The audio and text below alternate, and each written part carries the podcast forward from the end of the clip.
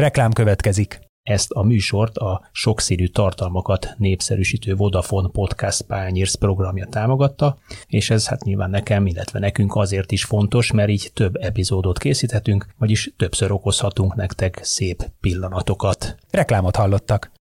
Milyen egy magyar játékos?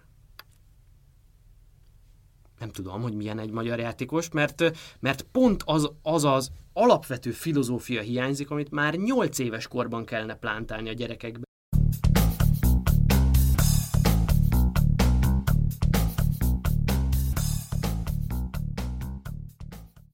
Sziasztok, ez itt az Ittszer a 24.hu focis podcastja. Én Kele János vagyok, és ezúttal is van két vendégem. Kálnoki Kis Attila, a 24.hu főmunkatársa szokás szerint. Szia! Szia, Sziasztok. és Brodarics Tamás, a Körver Magyarország Budapesti, és ha jól mondom, akkor Győrmoson Sopron megyei területi koordinátora, képviselője. Szia! Sziasztok, jó reggelt! Így van, egész pontos volt a bemutatás. Így van, és egyébként ugye te edző vagy, és ugye utánpótlással foglalkozol, ennek azért van jelentősége, hogyha valaki így a körverből esetleg nem tudta volna, mert ma az utánpótlásról fogunk beszélgetni, és ennek apropója pedig az, az hogy holnap kezdődik egészen pontosan magyar idő szerint 22 órától a brazíliai U17-es világbajnokság, amin a magyar válogatott is részt vesz, és a csoport küzdelmekben először Nigériával, veszi majd fel a harcot, aztán Ekvádorral és Ausztráliával küzd majd a továbbjutásért. Nem is feltétlenül az lenne itt ma a cél, hogy, hogy beszélgessünk erről a csapatról, vagy hogy milyen esélyeink vannak.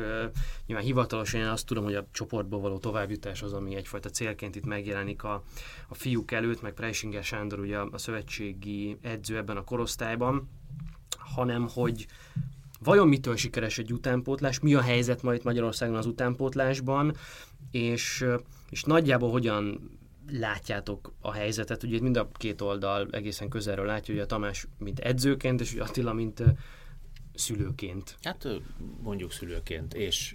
És közben és, volt és, sportolóként. Igen, meg mi vagyok, még meg újságíró talán. igen, végül is három szemszögből is nézhetjük. Nekem, nekem leginkább az a, az a kérdésem, hogy, hogy ugye legutóbb, amikor magyar csapat korosztályos világbajnokságon vett részt, akkor azt hittük, hogy, hogy eljön a Kánoán, és, és nagyot lép előre a magyar labdarúgás, vagy legalábbis biztosítottnak látszott a jövője. Aztán, aztán mégsem így lett, pedig már akkor is nagyon sokan azt mondták, és ugye a játékosok részéről a visszajelzések is azok voltak, akik ugye nagyrészt külföldön játszottak már akkor is, hogy, hogy szép-szép gratulálok, rész siker.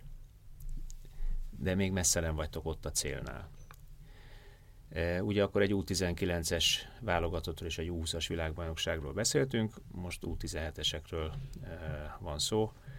E, ez még inkább részsiker az én szemszögömből. Egyébként szép siker, és ugyanakkor azt meg le kell szögezzem, hogy, a, hogy egy klasszikus mondja, magyar labdarúgásban minden apró sikernek örülni kell, és ez az.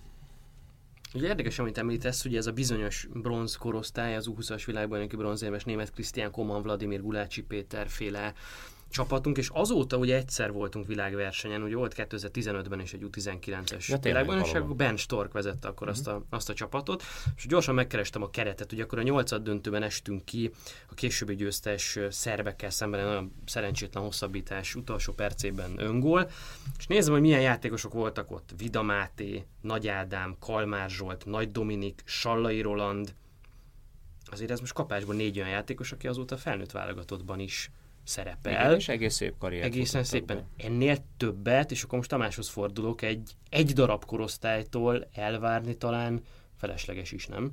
Igazából már válaszoltál a kérdésre, mert szerintem abszolút felesleges mondjuk két-három két, embernél többen gondolkodni egy korosztályba, aki mondjuk olyan karriert futhat be. Ugye most volt tíz éve az 20-as VB bronz, volt egy összefoglaló írás, hogy hova merre jutottak a játékosok abból a keretből, és igazából ugye Gulácsi futott be európai szintű karriert, ugye német Krisztiánnak van még méretű karrierje mondjuk Nyugat-Európában, meg ugye az MLS-ben, most azt hagyjuk, hogy az egy milyen bajnokság, viszont attól függetlenül a nyugat-európai dolgok azért nála viszonylag elsültek. Nyilván van abban a keretben egy-két fájó pont, ugye elsősorban ugye mindenkinek, mindenkinek szerintem Komán Vladimirnak a, a Zsák utcája, ugye ő abszolút nem érte el azt, amit mindenki gondolt róla abban az időben, viszont van két ember, aki abból a keretből gyakorlatilag profi karriert futott be, és a válogatottban is hasznos volt. Sőt, bocsi, az a korosztály Kádár Tamás is, csak őt ugye nem Kádár engedte el a Tamás, Newcastle arra a világbajnokságra. Meg talán sérült is volt, de, de igazából lényegtelen, tehát hogy ő is egy, egy olyan A Varga, Varga. Ropi is, csak hogy egy aktualitást is mondjak, ő is az a korosztály. Viszont ugye, ha azt nézzük ugye a 2016-os EB-re, ugye ezekből a keretekből ugye a három-négy játékos rögtön beugrik, aki járt korosztályos tornán, korosztályos Európa-bajnokságon, korosztályos, korosztályos világbajnokságon, és ők adták gyakorlatilag a magját annak a csapatnak, illetve részben, akik kijutottak a 2016-os Európa-bajnokságra. Tehát mindenképp profitált a magyar labdarúgás abból, hogy értünk el úgymond részsikereket utánpótlás szinten. Ugye azt szokták mondani, nem véletlen ez a, az eredmény. Ez egy nem egy kifutott, hanem tényleg volt kettő-három olyan játékosunk, aki szintet tudott ugrani. azt szokták mondani, és ez nem, majd, majd mondjátok meg, hogy ez mennyire tévhit, de ugye az a, az elterjedt gondolkodás a magyar futballban, hogy mondjuk ilyen 13, 14, 15, talán 17 éves korig még úgy nagyjából együtt lépünk a nemzetközi élmezőnyel, kérdőjelei, nem tudom, hogy ez pontosan így van-e, és aztán éppen amikor eljön ez a 18, 19, 20 év, tehát kvázi, mint hogyha a vízválasztó a, felnőtt és a, és a gyerek futball között, vagy az utánpótlás futball között, akkor maradunk le vészesen. Én ugye most megnéztem a, éppen az U19-es klubcsapatok kapcsán, hogy ebben az UEFA Youth League-ben, amit a ifjúsági BL-nek fordítanak, hogy abban hogy szerepelnek a magyar csapatok, és azt hiszem, öt szezonról beszélünk, mióta fut ez a sorozat, kettő darab párharcot sikerült megnyerni, meg 14-ből kettő darab meccset és akkor itt azért nem a világ legjobb csapataival játszanak ezek a, ezek a magyar együttesek, olyan bosnyák, montenegrói, meg ciprusi ellenfelekkel, hogy ott már viszont elég nagynak tűnik a lemaradás, miközben lobogtatjuk, hogy a Puskás Suzuki kupán, meg nem tudom, kiket vertünk meg U17-ben. Ez tényleg így van, és, és hogyha tényleg így van, akkor miért? Vagy ha nem, akkor, akkor, akkor mi a helyzet? Szerintem ez ab- abszolút tévhit. Tehát én azt látom, hogy már fiatalabb korban is megvan ez a lemaradás. Ugye nyilván nekünk tudunk eredményt elérni, de nem olyan játékkal, vagy nem olyan képzettségi szinttel, amivel mondjuk még többet profitálhatna belőle a nagy válogatott. Tehát ugye most itt a Preisingernek a, a nyilatkozatát is olvastam így idefele menet, ami, aki ugye arról beszélt, hogy 30%-os labdabirtoklással tudunk eredményt elérni, egy spanyol, egy portugál, egy domináns holland csapat ellen, akik ugye nyilván játszani próbálják a futballt. Ugye mindenkinek az érdeke az lenne, hogy képzett, erős, gyors, technikás, kreatív játékosok kerüljenek ki ugye a magyar válogatottba, kerül, illetve kerüljenek be a magyar válogatottba ezekből a korosztályokból. Viszont ebből már csak a játékstílusból fakadóan valószínűleg kevesebb az esély, mint hogyha mondjuk mi birtokolnánk 60-70 százalékban a labdát, ha nem is a spanyol válogatott ellen, mert nyilván az nem nagyon sikerül ö, semmilyen szinten, semmilyen korosztályban, de mondjuk olyan csapatok ellen, mint mondjuk a horvát, szerb, akik mondjuk így relatíve egy régióból indulnak tőlünk, hasonló lehetőségekkel. Na, mi, a, mi akkor ennek az oka, és akkor hol, hol gyökerezik a, a lemaradás? Ugye nyilván ti ezt az utánpótlásban, hogy így hallom, ezt bozsik korosztályoknak fogalmazzátok, Igen, ez hogy ott, ott kicsi a merítés, nincs elég játékos, nem jó a szakmai munka, nem ezt tartják szem előtt sokan az utánpótlásban, itt mi lehet a probléma, egyáltalán ho- hogyan néz ki ez az egész rendszer alulról? Ezt most kicsit távolabbról fogom indítani. Ugye gyakorlatilag az 50-es, 60-as években ugye gyakor, úgy lehetett valaki a világ legjobb játékosa, hogy mondjuk utána beült a meccs után a kocsmába, és végigfröccsözte az estét. Nem nevek nélkül, Tudunk ilyenről. Bárki, tudunk, igen. tudunk, tudunk ilyen játékosokról. Ez még működhetett talán a 70-es, 80-as években is, de ugye egyre inkább csökkent. Ugye például Angliában Wengerhez kötik ugye a, a nagy forradalmat, aki ugye az egészséges táplálko- táplálkozásra figyelt, arra, hogy milyen életmódot élnek a játékosok. Nyilván ezt a, a londoni kocsmák így megsínlették, ugye az Adamszéknek a távollétét, viszont ugye az is egy óriási boom volt a profi futballban, de az még mindig csak a felnőtt futball. Ugye fokozatosan került át a hangsúly arra, hogy az utánpótlásban gyakorlatilag dekára mérnek mindent. Tehát 14-15 éves kortól, ugye bármilyen akadémiának az igazgatójával beszélsz, az a az alap, hogy mindent biztosítanak a játékosoknak. Táplálkozás, Playstation a szobába, tehát hogy olyan dolgok, ami csak a játékra, a futballra kelljen koncentrálni. Ugye itt 14 éves játékosokról beszélünk. Én azt látom, hogy ez egyre inkább ö, elmúlik, vagy feloszlik ez a köd, hogy gyakorlatilag 6 éves kortól el kell kezdeni ma a gyerekekkel foglalkozni, ahhoz, hogy valaki tényleg olyan szintre jusson el, ami mondjuk topliga, top szint. Um, igen. A, a, most akkor kicsit átvedlek szülővé nekem. Ugye két gyerekemen látom azt, hogy, hogy uh, hogyan és milyen módon képez akadémia labdarúgót.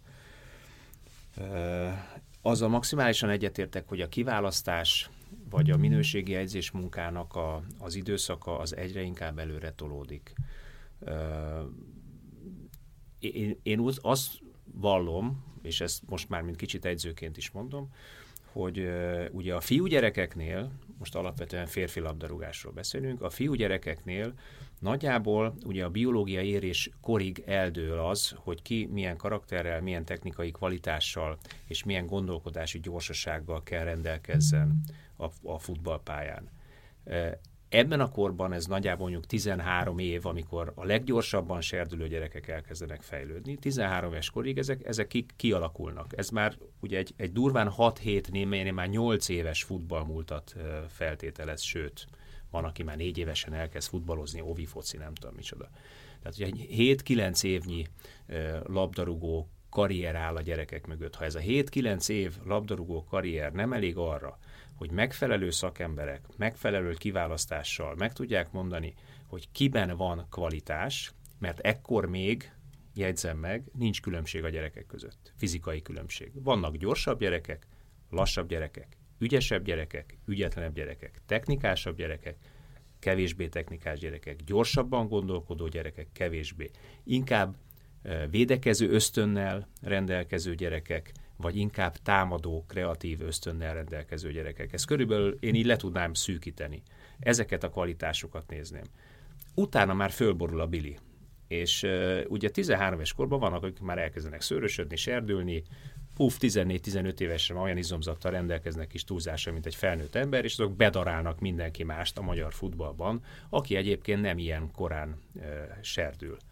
És itt borul a, a Billy, mert, mert uh, valahogy a mi kiválasztásunk nem olyan, hogy 12-13 éves korban megmondják azt, hogy fiam, belőled nagy valószínűség, és, és egyébként mérésekkel, belőled fiam nagy valószínűséggel lehet professzionális labdarúgó, és akkor nem azt veszük figyelembe, hogy te éppen hogy serdülsz, hanem úgy nevelünk és úgy fejlesztünk, hogy te 21 éves korodra fejezed be a fejlődésedet, mert van ilyen is, az 21 éves koráig benne tartsuk a rendszerbe, és ne kerüljenek bele két-három éves lufik a történetbe, amikor egy fiúka egyszer csak kikerül a csapatból, a szülő légüres térben érzi a gyerekét, elmegy a kedve a sportáktól, magának a gyereknek is elmegy a kedve a sportáktól, ha és amennyiben nem egy olyan különleges karakter, hogy ő akkor is ott marad, hogyha egyébként csak a labdát szedi a bozótból minden edzés és mérkőzés után. Szerintem ez egy, ez egy, ez egy viszonylag komoly problémája. Aztán aztán tudok mondani más szakmai edzés elméleti problémát is, de azt szerintem a te asztalod, úgyhogy arról majd te beszélgetsz. Én abszolút egyetértek ezzel a gondolatmenettel. Tehát ugye nagyon-nagyon fontos az, hogy megfelelő legyen a kiválasztás. Ugye itt az első, a mondandód első részére csatolnék inkább vissza most. Ugye arról beszélt, hogy vannak gyors, lassú, erősebb, alacsonyabb, magasabb játékosok, illetve ugye technikai képzettséggel rendelkezők.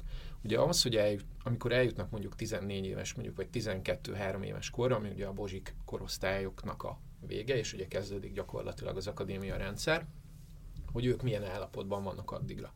Ugye az a kérdés, hogy ebben a korban, illetve szerintem nem kérdés, ebben a korban szede fel akkor a hátrányt egy játékos, ami mondjuk, ami mondjuk már egy akadémiai korosztályban nem pótolható. Nyilván ugye az országban van mondjuk, nem tudom, 15 akadémia. Csak mondtam egy számot, hogyha mindegyik akadémiában van mondjuk 100 játékos, akkor ugye beszélünk 1500 játékosról nagyjából, akik ugye olyan képzést kapnak, ami a top futballra készít fel elméletben.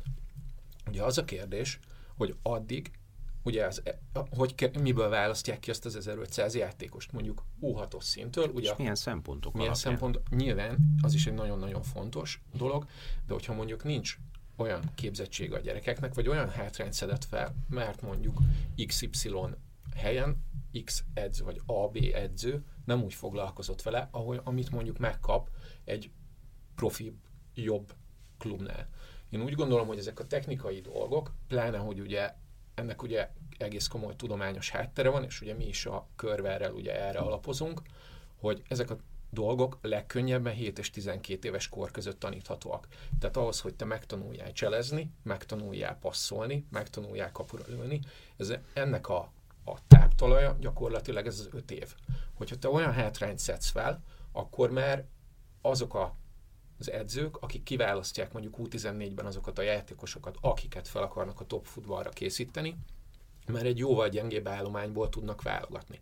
Én úgy gondolom, hogy már akkor van lemaradás, egy szerb, egy horvát, egy... Nem akarok messzire menni, tehát tök fölösleges a mi helyzetünkben Angliáról, meg Németországról beszélni, tehát a kört az almával, mert, mert másik sportág, de ez a régió, vagy a románok is akár, vagy a szlovákok, valószínűleg felkészültebb játékosokat adnak már 14 éves korra, és akkor utána ott nyithatunk megint egy új fejezetet, és azt, amit te mondtál a gondolatod második részében, az egy abszolút helytálló dolog, és akkor beszélhetünk arról. Na de ez kiválasztás, nem? Persze. Tehát, hogyha persze. olyan gyerekeket választ ki egyébként az akadémia, vagy szippant be a rendszerbe azért, mert amúgy neki kényszere van, hogy meglegyen a kerete és meglegyen az eredményessége, akik egyébként technikailag nem annyira képzettek, mert kiesett nekik egy-két év, vagy AB edző nem úgy foglalkozott velük, akkor az ugyanúgy zsákutca. Abszolút. Tehát én azt, azt vélelmezem egyébként, hogy pontosan, amit mondasz, 12-13 éves korig kialakul minden a gyerekben. Ha valaki jó képzést kapott, akkor maradjunk a 15 akadémiánál, mondjuk ez 15-24 ember ugye az adott korosztályban országos Igen. szinten, az körülbelül 300 emberről beszélünk. Ugye? Tehát 300 olyan játékost kellene találni, mondjuk a korosztályonként, hát mondjuk nem akarok nagy számot mondani, de biztos, hogy ennek a tízszerese 3000-ből, tehát a 3000 azt a 10%-ot kellene megtalálni, aki mondjuk Dárdai Pál szavaival élve inkább A, mint B szintű tudással rendelkezik, de semmiképpen sem C-vel. Nekem a legnagyobb problémám az a magyar futball kiválasztás rendszerbe, hogy mi inkább C-t keresünk, mert az A adott esetben 14 éves korban nem úgy néz ki ránézésre és sebességre, mint a C. Igen, ez, a, ez az eredményorientáltság, vagy a, vagy a hosszú távú gondolkodás. Ugye itt visszacsatolhatunk megint az, hogy ez siker, tehát hogy ezek a játékosok, ugye akkor lesz valódi értéke ennek a dolognak, nyilván ennek a csapatnak ez egy óriási dolog, meg egy nagyon-nagyon szuper dolog, de ha megint kikapunk, vagy tíz év múlva is kikapunk a szlovák válogatottól egy sorsdöntő, nem szeretem ezt a szót, nyilván elcsépelt. De biztos, hogy sorsdöntő biztos, lesz. Biztos, hogy sorsdöntő meccsen, akkor megint, megint nem volt elég ez a dolog. Tehát az a kérdés, hogy ezekből, ugye, amiket te is mondtál, hogy most C, B vagy A típusú játékosok alkotják el ezt a keretet. Nekem, nekem azt mondják uh, edzőismerősök, hogy a korosztályos kiemelt bajnokságnál, ugye ami az akadémia 8 csapatos bajnoksága, jobb a másodosztály, mert ott nincs akkor eredménykényszer, hogy nyugodtan lehet játszatni azt a gyereket is, aki egyébként fizikálisan aktuális biológiai életkorát tekintve le van maradva a többiektől. Ami azt jelenti, hogy 14 évesen nem futja 3,99 alatt a 30 métert, hanem mondjuk 4,99 alatt futja, de egyébként mondjuk meg tud csinálni egy cselt a maga akkori aktuális tempójában, és egyébként 10-ből 9-szer jó helyre passzol, és egyébként jó helyre mozog a gyerek, mert megtanították neki, vagy pedig ösztönösen jó helyekre mozog a pályán. Ellenben a 399-es gyerek leszegett fejjel szaladgál föl le, és átesik az alapvonalon. 10-ből 9 helyzetet kihagy, egyet berúg, és akkor mindenki nagyon boldog, mert vele nyelt a csapat. Abszolút. Tehát ez, ezek, ezek nekem nagyon furcsa dolgok. A másik, és akkor itt, itt, itt kicsikét a, az edzés elméleti részben kérdeznélek téged. Ugye te is azt mondod, hogy 12-13 éves korig meg kell, ki kell alakuljon az az alaptechnikai tudás, ami alkalmas arra, hogy akadémiai képzésben részt vegyen a gyerek. Miért van az, hogy Magyarországon már 10 éves korban is, amikor nyilvánvalóan senkinek nem lehet meg ez a technikai tudása, mondjuk kisterületes, kétérintős meg egyérintős fajjátékot játszhatnak a gyerekkel, az edzések zömében mondjuk a heti négy edzésből négyszer biztos, 30 percen keresztül, miközben a számomra olyan, mint hogyha mondjuk egy, egy negyedikes gyerekkel, direkt mondom ugyanezt, hiszen arról a korosztályról van szó, hogy ötödikes gyerekkel mondjuk egy logaritmusos egyenletet szeretnék, két ismeretes egyenletet szeretnék megoldani, mert az egy másik szint. Hát a gyerek nem tudja, mi az, hogy négyzet. Összeadni, kivonni, szorozni, osztani bizonyos szintig már egész jól tud, de ennél magasabb szintre nem tud lépni. Tehát hiába, mert nekem azt mondja az edző kollega egyébként, hogy de gyakorlat közben megtanulja. De hát könyörgöm, ez, ez, ez pedagógia, ráadásul egy mozgáskoordinációval, harmadik eszközzel végzett feladatsor gyakorlása és elsajátítása, ami nem fogok tudni ugrásokkal megtenni. Tehát nem tudok menet közben olyat megtanulni, amikor nekem kettő érintővel át kéne vegyem jó területre, és tovább kellene passzolnom a labdát, amit nem, ja, mindez fönt lévő fejjel, hogy lássam a társakat, miközben ezt nem tudom mert nem tanultam meg, fiatal vagyok még, még nem tartok annak a fejlettségi szintjén. Ezek a gyerekek kerülnek be egyébként az akadémiára, ahol már joggal várnák el 15 évesen, hogy ezt tudják, de nem tudják. Ugye itt a, egy példát, egy kollégám mesélte pont a napokban azt történetet, hogy amikor így ez van, ez a car coaching, amikor a, berakják a gyereket az edzés után az autóba, és akkor apuka, anyuka elmondja neki, hogy már pedig ezt így kellett volna csinálni, és ő mesélt egy ilyen sztorit, amit így, így jól nevettem, hogy megkérdezte az apuka a 7 éves gyerekét, aki ugye, hát ugye ez először azzal küzd, hogy fusson egyáltalán ugye a fiú, hogy láttad, hogy hogy játszott a Modric a magyar válogatott ellen. Hát nyilván látta a tévét, mert látta a horvát mezes játékosokat, meg a magyar játékosokat. De ő nem tudott különbséget tenni a dolgokban. Tehát ő látta, látta a Modric, felismerte a Modricot, mert látta már a, a, az interneten, de ő nem, tehát ő nem szűri le azokat a dolgokat. Ugye, amit te is mondtál, hogy olyan dolgokat várnak el sokszor az edzők, vagy akár a, ugye most itt a szülő edző gyerek kapcsolatról is beszélünk, a gyerekektől, ami irreális. Ugye ezt, ezt ebben csak abszolút megerősíteni tudlak, hogy ugye mindenkinek a biológiai érettségét is figyelembe kéne venni a képzés alapján. Tehát én, egy, én ugye tematikusan dolgozom, minden héten ugyanaz a téma van, ugyanazt az edzéstervet csinálom minden egyes hét, tehát minden egyes korosztályjal azon a héten. De aki megnézi az én U7-es edzésemet, vagy U8-as edzésemet, meg az U14-es edzésemet, akkor azt megkérdezi, hogy ez tényleg ugyanaz volt. Mert hiába megyek ugyanaz, ugyanaz, ugyanaz a célja, hogy megtanuljon egy bizonyos dolgot, egy bizonyos mozdulatot, cselt, irányváltást, teljesen mindegy, hogy mit, vagy, vagy kitűzök egy témát, hogy mondjuk a befejezés, mást várok el befejezésként egy U14-es játékostól, mint egy U7-esnél. Mert az U7-esnél, vagy egy U6-osnál Egyébként innen pont Ovi focira megyek, ott majd az lesz a cél, hogy megfogják a labdát, és be tudják egyáltalán hajtani a kapuba a labdát, úgyhogy el, elfutnak a kapuba, és nem másznak fel útközben a bordásfalra. Na, az U14-ben, hogyha valaki felmászik a bordásfalra, amikor kapura kéne lőni, akkor már gondok vannak. Viszont ugye egy óvis korosztálynál be kell lőni, hogy milyen szintet kéne, milyen szinten is kéne teljesíteni a gyerekeknek. Tehát ez, ennek a, a kialakítása szerintem rendszer szintű dolog. Tehát ezt, ezt valahol... De nem akkor rendszer szintű probléma van? Valószínűleg van. Minden, nem biztos, hogy ö, ö, mucseröcsögén ugyanazt csinálják, mint mondjuk a Fradiban. Sőt, egészen biztos vagyok benne, hogy nem ugyanazt, pedig lehet, hogy a cél irányosabb lenne, hogyha mindenki egy bizonyos struktúra mentén dolgozna. Nyilván ez egy időigényes folyamat, ennek nem lesz egy év múlva eredménye, meg nem lesz tíz év múlva se biztos eredménye, vagy valószínűleg Tudsz olyan játékos mondani, akkor a Fradiban az elmúlt öt évben kinevelődött és felnőtt futbalista lett? Én tudom, hogy a Gyepes Gabi volt az utolsó ö, x éve ezelőtt, mert Janinak olvastam egy cikkét, úgyhogy... Ö... Na de akkor, akkor, akkor elnézést kérek személyesen Mucsaröcsögétől, tehát lehet, hogy ugyanolyan intenzitással és hatékonysággal dolgoznak Mucsaröcsögén, mint a Ferencvárosnál. Lehetséges, viszont ugye ez már megint nyit egy másik kérdést, hogy hogyan lépsz be a felnőtt csapat kapuján.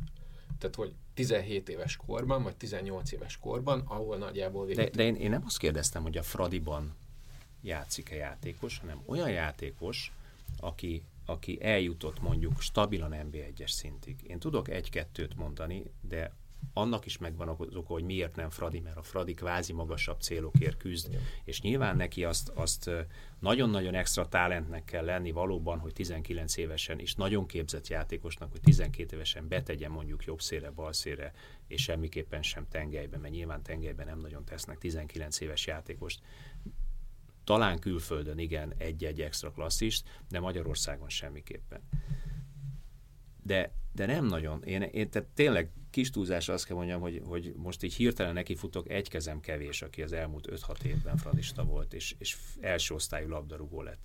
És ez megint egy olyan kérdés, hogy én nevelek valakit, aztán elengedem a kezét, mert nem figyelek többet rá. Tehát hiába adogatom kölcsön mondjuk 19 éves korban már MB2-be a, a, a tehetséges akadémistámat, kölcsönadom egyszer, kölcsönadom kétszer, kölcsönadom háromszor, és a gyereknek előbb-utóbb el fog menni a kedve, ha nem elég erős. Azt nem elég jók ezek a játékosok. Most mondta ugyan a, a Tomi, hogy alma körte, de, de hogy ugye Real Madrid ugyanez, hogy hatalmas standardek vannak, nagyon magas célok, amit egy saját nevelésű játékos viszonylag 19-20 évesen nem tud megütni, tehát el kell menni, de dugig van a La Liga Real Madrid Real nevelésű nem. játékossal, mert hogy egyébként a képzésük meg nagyon is jó. Ilyen szempontból talán Magyarország az MTK az egyik legrégebbi és legtöbbet fölmutató akadémia, akinek szintén tele van az MB1 és az MB2 és egyébként saját nevelésű Kérdés, hogy mi mit lövünk be színnek? Persze. Mert Persze. ugye ö, érdekesség egyébként, hogy a, a, az Európa Liga első csoport körében utána nem olvastam statisztikákat, illetve pont ennek utána néztem, hogy a tegnapi nap annyira nem játszottak magyarok. Ugye gyakorlatilag csak a Honvéd akadémiája tudott Európa Liga játékost adni a, a magyar futballnak magyar játékos, magyar játékperceket. Tehát nyilván ugye ez a, ez a Vécsei Botka, Hát azért a Gulácsiról ne feledkezzünk. Hollander, ő nem Európa Liga játékos. BL, BL, BL játékos. Hogy, igaz, kicsit magasabb szint. Igen, meg ugye ő viszonylag korán kikerült a Liverpoolhoz, ugye ő nem is játszott az MTK felnőttben, ugye ezek a játékosok viszont ugye a Honvéd felnőtt csapatából uh-huh. kerültek ki külföldre. Tehát, hogy, hogy ők mondjuk tudtak három játékost adni, az európai klubfutballnak. Ami már egy mérhető dolog, mert a selejtező az, az egy, nem, egy, nem egy, ott mindenki elindulhat, a San Marino játékos is, tehát a, a helyi Lipóti pékség is adott egy játékos San Marino-ban. Hát igen, de ez egy, ez egy megint egy, egy másik vonal, vagy nyithatunk egy újabb medert, mert ez ugye azt a kérdést is feszegeti, hogy vajon célja a magyar labdarúgásnak az, hogy külföldre termelje játékost, vagy játékost adjon az európai futballnak, mert momentán én úgy látom, nem célja. Nem.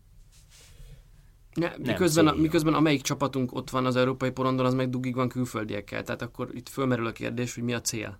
Hát pontosan. A pénz elköltésén kívül. Én a magyar futball legnagyobb problémájának azt érzem, hogy nem nincs tiszta szereposztás a magyar futballban, mi a, cél, a célmeghatározás, ehhez milyen eszközöket, milyen szereplőket rendelünk mellé, és milyen módszerrel próbáljuk meg elérni ezt a célt. Mindenki megy a saját feje után, aztán viszont látásra.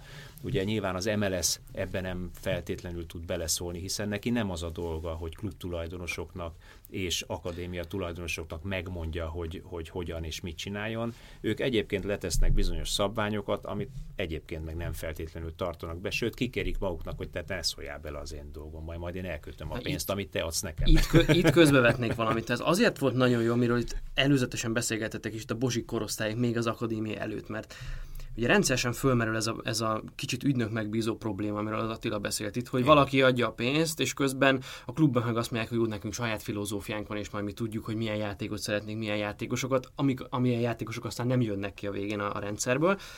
És valahol ennek a megoldása tényleg az lenne, és itt, ide talán érdemes még egyet visszalépni, hogy mikor azt mondom nektek, hogy milyen spanyol játékos el tudjátok mondani, milyen egy spanyol játékos, mondtok öt dolgot, és az nagyjából ugyanaz az öt lesz, amit mondtok. Milyen egy német játékos?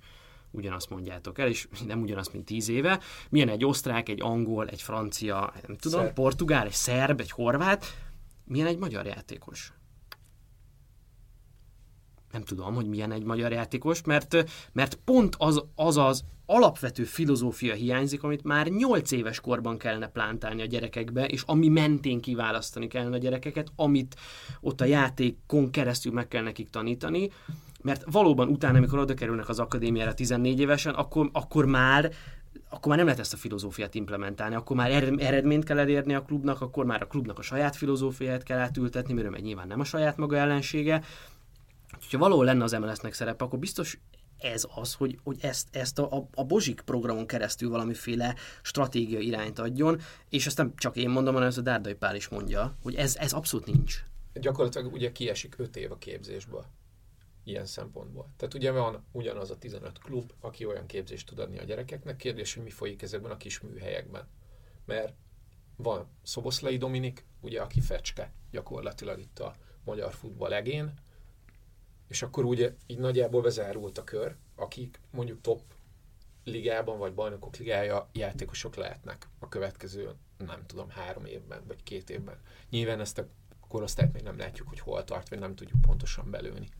Viszont itt, se, itt is inkább a csapatról beszéltek folyamatosan, hogy a csapat jó, meg nyilván van egy-kettő játékos, de ugye ez volt, volt a, a Dominikék csapatában is, akik ugye külföldre kerültek, aztán visszajöttek. Viszont ugye én úgy gondolom, hogy ugye ez a 7-től 12-ig, 6-tól 13-ig, teljesen mindegy, hogy hol lövöd be ezt a határt, gyakorlatilag a legfontosabb. Tehát, hogyha azt az alapot nem kapja meg a játékos, akkor onnan már az akadémián már olyan, olyan játékosokat kapnak azok az edzők, akikkel nem tudnak, nem, nem tudnak olyan szintű munkát végezni, ami viszont ez elvárás lenne. Azért nekem is van egy-két ismerősöm így akadémiákon, már a 14 pluszos korosztályban, és ott is mondják, hogy olyan lemaradással érkeznek a gyerekek, ami, ami már gyakorlatilag pótolhatatlan abban a korban, mert akkor már, már nehezebben tanulsz. Tehát 14 évesen megtanulni biciklizni, az nem ugyanaz, mint 6 évesen, vagy mondjuk 50 évesen megtanulni biciklizni, mint mondjuk 8 évesen. Tehát, hogy nagyon-nagyon fontos lenne, hogy ezeket a korosztályokat ne csak versenyeztessék, hanem képezzék is. És nálad, nálad mi az első szempont mondjuk a maradjunk ennél a 13 éves kiválasztásnál? Első, második, harmadik szempont. Mert aztán én mondom, hogy az akadémiáknál micsoda. Jó, hogy nem egyet kellett mondani, mert van legalább négy-öt, amit ugye, ugye egyrészt a gondolkodás, meg az, hogy maga az, hogy mennyire érti azt, amit csinál a játékos, ugye a technikai képzettség, nyilván aki hozzám jön, ugye én technikai képzéssel foglalkozom elsősorban, az egy, azt én fejlesztem, de látom, mindenkinek látom, hogy valaki, valaki ez melós lesz, mint a dárdai, vagy mondjuk ösztönből jön, mint a Gera. Gera, igen. Tökéletes. Kleinheisler. Tökéletes példa. A, a Gera, nem a Kleinheisler. ez az egyik, illetve ugye ez egy az egy jelen játék. Tehát az én korosztályimnak gyakorlatilag a világon mindenhol azt nézik, hogy mennyire vagy jó egy az egybe. Tehát ha nem tudod megoldani azokat a dolgokat, akkor onnan esélytelen, esélytelen vagy. És, ez nem a, és ezek nem fizikális szempontok, hanem az, hogy, hogy, hogy mert a kis testet is lehet használni. Tehát azt is lehet úgy, aztán majd megnő, vagy, vagy elkerüli a párharcot, vagy máshogy megy bele a párharcba, de itt nem a, tehát a fizikális dolog az utolsó, ugye a gondolkodás, a technika meg az egy az egy de, de, de, ehhez képest az akadémiai kiválasztás, és ezt, ezt meg tudom neked erősíteni, mert ez teljesen általános szerintem mindenhol, legyél erős és gyors. Tehát ez az első. De hogy legyen gyors. És, és, és oké, okay, legyél, legyél, de futásban, tehát legyél, legyél robbanékony, piszok gyors. És ugye én erre mindig azt mondom, hogy persze, hát a, a futballnak egy alapvető feltétele az, hogy gyors, robbanékony játékosokat keresünk, akinek az 1-5, 1-10, 1-15 métere extra sebességű. De ugye a, a gyorsaságot, a futó gyorsaságot a pályán meghatározza a gondolati gyorsaság is. Tehát, hogyha valaki hamarabb gondolkodik, jó területre veszi át a labdát, valószínűleg, hogy maradjunk ennél a 30 méteres, ami szintén ugye egy standard mérési szám, egy 499-es gyerek Kenterbe egy 399-es gyereket labdával, hogyha jó területre, jó lábra veszi át a labdát, mert hiába fut mellette gyorsabban a másik, nem fog hozzáférni a labdához egy, kettő, hogyha egy testcsellel vagy egy, egy megelőző csellel át, úgy veszem át a labdát, hogy a 399-es elfut balra, én meg jobbra megyek, akkor megint csak nézi a hátamat, és olyan tempó előnyöm lesz, amit nem fog tudni behozni, vagy mire behozza, én már továbbítom is a labdát. Tehát én azt vélelmezem, hogy az alap kiindulási pontja rossz a magyar futball kiválasztásnak, általánosítva mondom, és nem akarok senkit sem megsérteni, mert egyébként biztos, hogy földalolja mindenki azt, amit elmondtál, mert valószínűleg az UEFA képzésen már ezt tanítják, de mégse így működik a kiválasztás. Úgy működik a kiválasztás, hogy kemény, rakkolós gyerekeket akarunk, mert ez férfi sport. A kedvenc, kedvenc dumám az, ugye, amit egy, egy kiváló magyar edzőtől hallottam, az a jó játékos, aki képes áttörni a falat azóta is próbálom megfejteni, hogy ez, ez micsoda. Ezt egyszer, egyszer, egyszer már egy ilyet, ugye beszélgettünk erről, hogy esetleg azt a, azt a malagút furásnál, a metróépítésnél kéne alkalmazni, de, de ez, ez, ez, szerintem nem így működik. Ennél, ennél ez egy kicsit egyszerűbb, meg egy kicsit sokkal nehezebb és összetettebb játék és probléma, mint az, hogy az a jó játékos, aki áttöri a falat. Tud- Tudjátok, mi, mi zajlott itt le bennem abszolút laikusként a beszélgetés alatt, hogy amit emlegetett Attila, hogy miket keresnek itt az akadémiákon, és hogy mit kellene keresni, hogy amit keresnek, az az, az amit egyszerű észrevenni. És amit kellene keresni, az meg az, amit nehéz észrevenni. Az a De mintha az egyszerűség irányába mert menne. ahhoz ismerni kellene a játékos. Tehát ugye a, a futballnak a másik, évek óta ismerni kéne játékos. A futballnak a másik alaptörvénye, ez egyébként külföldön sincs másképp, mondjuk, a, hogy mondjak egy nagyon távoli példát, a Kozma bevert kettő gólt, ugye UEFA kupa selejtezőn, a, azt hiszem a Nántnak, vagy melyiknek vert meg annak idején, következő pillanatban megvették. Tehát ugye a pillanatnyi pillanatnyi benyomás egy játékosról, és ez, ez gyerekszinten ez úgy néz ki, hogy játszik, mit tudom én, a, hasonlítok, a Vasas Akadémia, a, a Reacsal, most direkt mondtam egy olyan példát, amelyik ugye szintkülönbséget jelent, mert az egyik az egy első osztályú, másik pedig egy harmadosztályú utánpótlás nevelő klub, és a Reacban van egy gyerek, aki négyszer elviharzott a szélen, és egyszer abból jól beadott, azt mondták, hogy na te kell lesz nekünk, mert te nagyon gyors vagy.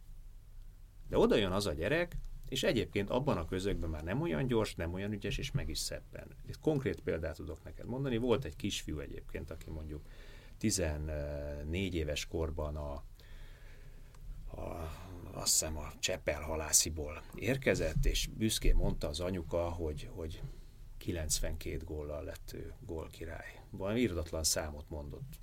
Egy téli időszakban, téli játékozolási időszakban. Azt mondták, hogy drága mama, ha, ha itt kettőt rúg, megtapsoljuk. Mert egyébként nem is ment olyan jól a csapatnak, akkor nem is nagyon rúg, nem rugott kettőt.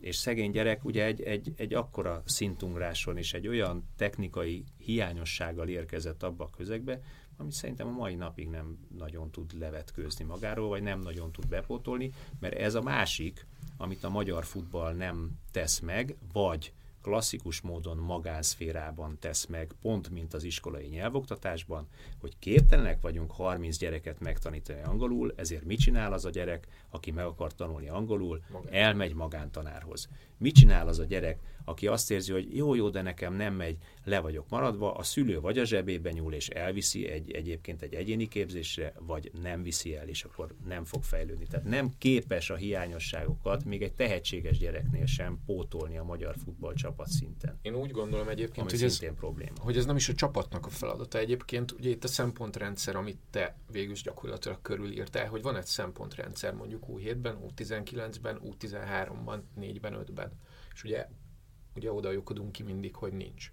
Viszont ugye itt az egyéni képzésekről is, illetve ugye a magán dolgokról, ugye kvázi ebben dolgozom. Ugye az a kérdés, hogy ugye ki képezi ezeket a gyerekeket. Tehát, hogy mennyire fontos az az edzőnek, hogy mondjuk plusz dolgokat adjon. Én úgy gondolom, egyébként én főleg lelkiismeretes edzőkkel találkozom. Az ellen... ez nem kétlem. Igen, igen. A, tehát, hogy nem is mm, csak így mellékszálként mondom, tehát, hogy mindenki megpróbálja, viszont egy csapatedzésen én úgy gondolom, hogy arra, hogy technikailag képez plusz dolgokat, tehát az X meg az Y-t, a, a, az ügyes Józsikát, Pistikét, Lacikát képezd, arra nincs idő. De várj, nem azt mondtam, hogy csapategyzésen, Igen, igen. hanem, hanem egy 24-28 fős csapatban lévő játékosnál, aki már ugye csapategyzéseken vesz részt, képtelen a magyar Igen. futball megoldani. Tehát pont ezt erősítette meg, mert egyébként Abszolút. nem csinál egyéni képzést, nem veszi ki külön, nem Szerintem- hívja oda előtte, nem hívja utána. Ellenben volt olyan egyzőnk, aki oda hívta előtte és pénzt kért ugyanazért, amit utána csapatszinten le, leoktatott. Tehát na ez volt aztán az mindennek az alja, a saját csapatába, saját külön edzéséért pénzt az edző. Na ez aztán a morális csőd szerintem, de ezt tegyük félre, de mégsem tudja megoldani a Uh, igen, ugye erre szerettem volna kiukadni, hogy úgy gondolom, hogy ahogy, ahogy ugye ezek a tévhitek eltűnnek, ugye vannak videóelemzők, vannak étrenddel foglalkozó, van gyúró, tehát hogy vannak specialisták ugye a felnőtt csapatnál. Úgy gondolom, hogy a kiskorosztályoknak, vagy akár még az akadémia korosztályoknak ugyanúgy érdemes lenne mondjuk specialistákba fektetni, akik mondjuk kifejezetten erre szakosodnak. És úgy kialakítani a programot, hogy ne csak a játékrendszerek, a 4-4-2, meg a 4-3-3 legyen fontos mondjuk egy 16 éves korosztályban, vagy mondjuk ne a Nyuszi kupa legyen a fontos az U8-as korosztályban, hanem mondjuk az, hogy a gyerek vagy a játékos megkapja azt a technikai képzést, vagy azt a fejlesztést, amire éppen neki szüksége van. És ezt úgy gondolom, hogy nem a csapatedzőknek a feladata, hanem olyan szakembereknek az alkalmazása, akik gyakorlatilag ezt csinálják. Hát de a csapatedző kellene kijelölje, vagy meglássa, hogy Nyilván, kinek mi a ezt, feladata. ez abszol, abszolút neki kell. Viszont ugyanúgy, ahogy én úgy gondolom, hogy ez 5-10 év múlva el fog ide jutni, sőt, ha lehet, hogy mondjuk 2-3 év múlva is a magyar labdarúgás, mondjuk ú, kis szinten. Én ugye most Győrmoson Sopron megyében nyitok, dolgozom, onnan is voltak megkeresések, látták a klubok, hogy a csapatedző ezt csinálja, a csapatedzőnek erre van kapacitása, erre van képzettsége is, mert ő nem technikai képző mondjuk, viszont minket felkérnek, hogy adjuk meg azt a technikai képzést, amire neki nincs ö, gyakorlatilag ideje, kapacitása, képe, De képesítése. van erre idő például? Van. Van. van. Azt hogyan látod, hogy a, a szülőknek ez mennyire fontos? Nekem van egy ilyen elméletem, hogy az a fajta pénz, ami most a magyar futballba áramlik, az, az karrier szinten is egy vonzó pályává teszi azt, hogy valaki labdarúgó vagy ilyen sportoló legyen. Ezt gondolom, hogy ezt valószínűleg a szülők is föl fogják menni. Tehát még, még 15 évvel ezelőtt azt mondták, hogy kisfiam ne legyél futballista, mert csak a rosszat halljuk. Most azért azt látjuk, hogy ez egy, ez egy jó életpályát tud kínálni esetleg egy, egy ügyes sportban kiemelkedő fiatal srácnak, vagy most még ennyien csak a srácoknak. És akkor gondolom megérheti befektetni akár abba is, hogy a gyerek járjon külön edzésre, meg egyéni edzésre, ahogy itt Attila az angolórát említette, hogy ezt látod már, hogy a szülők ezt fontosnak tartják? Vagy elindult ez a folyamat? Általában van, van ilyen egyébként, abszolút van ilyen, aki szerintem látja a karrier lehetőséget a játékosban, vagy a gyermekében, de ugye általában azért hozzák le, mert látja, hogy nekem, vagy hozzám legalábbis, ugye főleg kiskorosztályjal foglalkozom, mert a gyereknek csillog a szeme, hogy labdába ér. Ő futballozni szeretne, futbalista szeret lenni, U8, U9, U10. Ugye ez még nem dölt el, ott, ott még ugye ez egy olyan helyzet, ami még gyakorlatilag bármi kisülhet, nyilván nem teljesen, de, de ott még azért nagyon ingatag a dolog. Ugye azért hozza le, hogy fejlődjön, mert mondjuk nem került be a Bozsik keretbe, nem került be a Kölyök Ligára a keretbe, nem nyerték meg a Kölyök Ligán a meccset, kinézte magának egy nagyobb csapat. Vagy mondjuk tényleg olyan talentum, mert ilyennel is volt szerencsém nem is egyel dolgozni, akik most már külföldön is futballoznak, illetve még a korosztályuknál fogva még nem, nem teljesen, de rendszeresen járnak külföldi európai szinten mérhető klubokhoz, mint az Ajax, a Lyon, a, a Lipcse, az Salzburg, tehát ami egy, egy tényleg már európai elit. Tehát, hogy mindenkinek más a motivációja, én úgy látom. Van egy ilyen része is, hogy a szülő azt látja, hogy szuper MB2-es futbalista leszel, az is jó. De általában én azt látom, hogy a gyerek nagyon-nagyon szeret futballozni, és szerintem ugye ezt, ezt várom is a megerősítést, a szülő mindent meg akar adni, ugye mi még nem vagyunk a Janival szülők, de a szülő mindent meg akar adni a gyerekének, és ha ő, azt látja, hogy egyéni képzés, és ez segít, és olyan élményeket szerez, amivel önbizalma van, visszamegy, eljut egy következő szintre, akkor az a szülőnek egy boldogság. És illetve, hogy mivel ugye a gyereke boldog. Én azt látom, hogy elsősorban ők nem, nem kalmárkodnak ezzel a dologgal, hanem boldogságot uh-huh. szeretnének adni, és ők úgy Abszolút, látják, persze. hogy ez a képzés, ez plusz dolgokat ad a gyereknek, jól érzi magát. Nekem van egy apuka, akivel szerintem mondhatom, hogy nagyon-nagyon jó a viszonyom, és én őt szeretem a legjobban hallgatni, hogy ahogy beszél, mert mindig azt mondja, hogy a Gergőnek hívják fiút, a Gergő boldog. A Gergő mosolyog, a Gergő jól érzi magát, a Gergőnek önbizalma van, nem csak itt, vagy nem csak a focipályán, de neki egy 8 éves gyereknek az értékmérő az, hogy ő hogy teljesít a focipályán. Őt nem érdekli az iskola még jelen pillanatban, hogy, hogy most ő ötös vagy ötös alát kapott, vagy teljesen minden milyen jegyet. Neki az a lényeg, hogy tudjon egy cselt csinálni, lőjön egy gólt, legyen boldog. És hogyha megadja ezt a boldogságot neki, akkor mindenki boldog.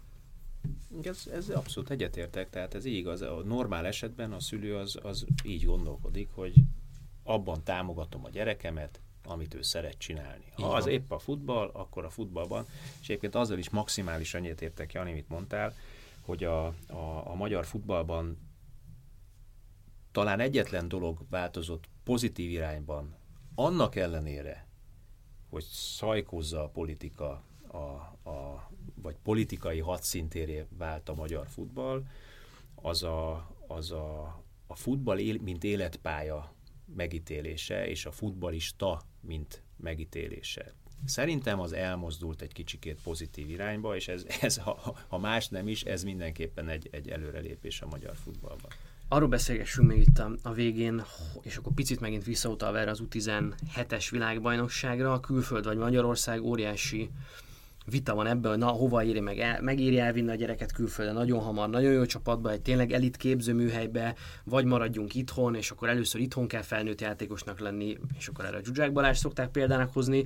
Ha nézem ezt a 2015-ös csapatunkat, ami 10 vagy 20-as volt már, akkor ott van Tamás Krisztián, Kecskés Ákos, Kalmár Zsolt és Forgás Dávid voltak az idegen légiósok, ugye Szlávia Prága, Atalanta, illetve illetve RB Leipzig, tehát volt négy darab légiós abban a keretben, ez U17-es, tehát három éve fiatalabb srácok, három-négy éve fiatalabb srácokról van szó, és van egy, kettő, három, négy, öt, hat, hét darab légiósunk. Itt Henk, West Ham United, Benfica, Austria Wien, Salzburg, Parma, tehát ilyen csapatok. Ez nekem kicsit furcsának tűnik. Ez, ez egy irány, hogy akkor most már egyre több fiatal megy el, és egészen elit képzőhelyekre, vagy, vagy éppen az van, hogy mire ők is 20 évesek lesznek, majd lehet, hogy hazajön a felük. Előfordulhat egyébként. Ugye az a kérdés ebben az esetben, hogy milyen messze van Magyarországról egy topliga. Meg hogy mit lövünk be ugye megint célként.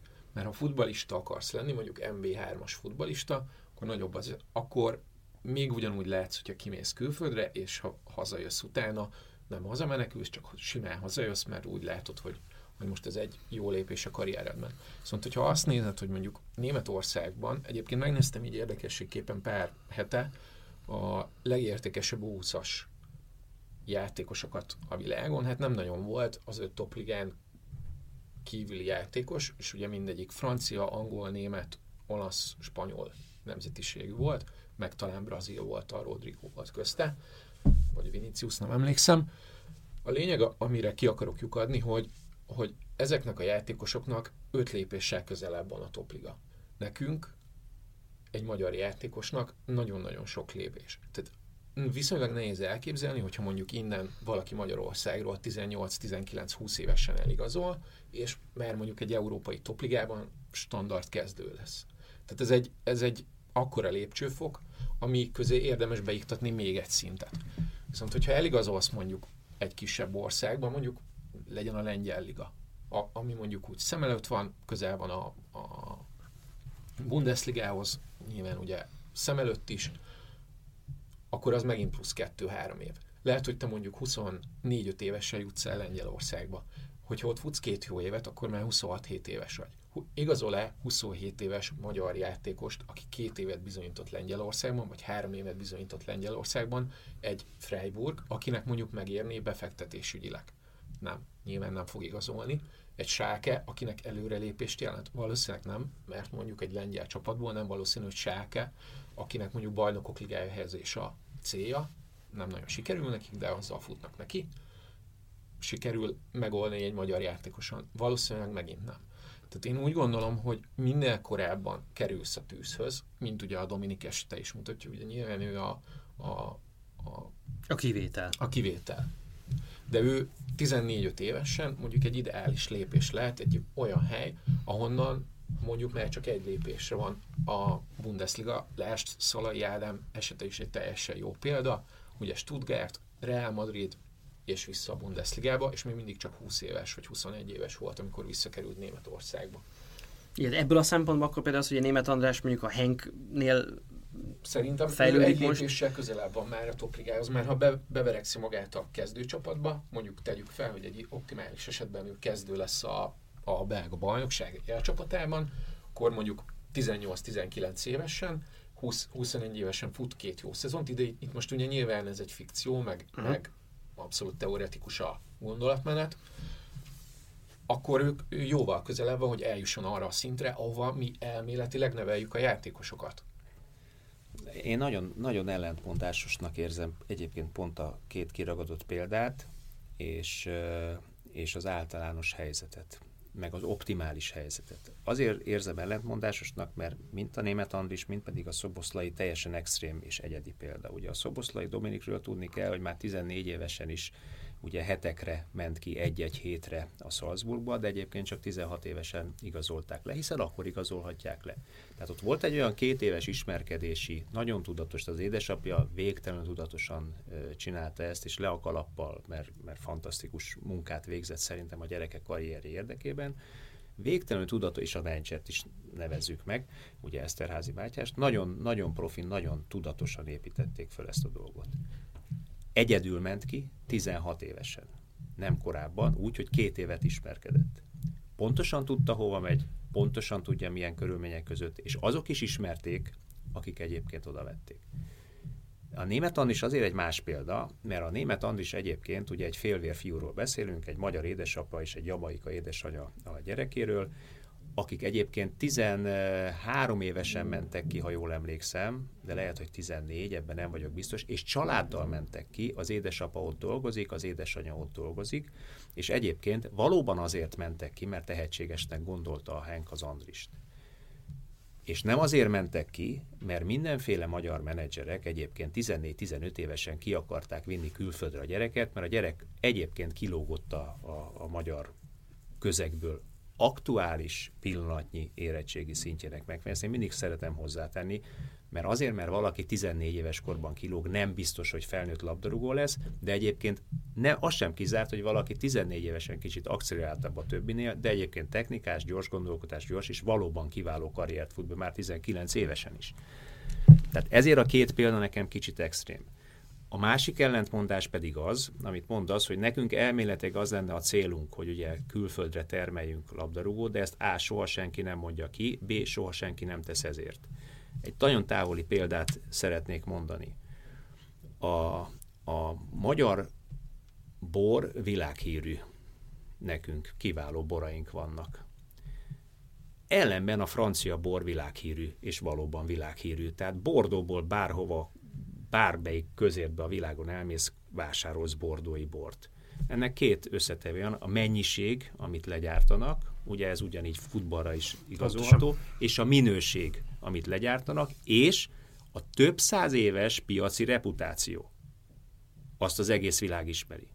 Na most a magyar játékosból ugye a mennyiség hiányzik, a, a, a, a minős, mennyiségi minőség hiányzik, és a piaci reputáció hiányzik, amit képtelen a magyar futball a rendszerváltás óta visszaépíteni. Volt egy kicsit fölszaladó uh, hullám, ugye a 90-es évek közepén végén, de az pont az a generáció volt, amelyik egyébként úgy 2005-re 6 magasságára kicsit úgy le is értékelte, vagy pedig úgy értékelte a nemzetközi futball, hogy ez nekik, vagy a nemzetközi közép- és top futball, hogy ez a szint maximum kiegészítő, vagy akkor már ugye beszéltünk rotációról 2005-6 magasságában, rotációra alkalmas játékosok, semmi több.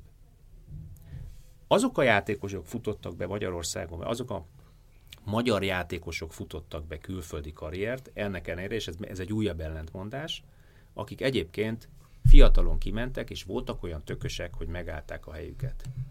Ez ugye a mondjuk Szalai Ádám, aki ugye kezdett Stuttgartban 15-16 évesen szintén, a Hajnal Tamás, aki kezdett szintén egészen fiatalon, úgy csempészték ki a Ferencvárosból, Vác érintésével, ha jól emlékszem, és a Gulácsi. De aztán többet nem tudok mondani.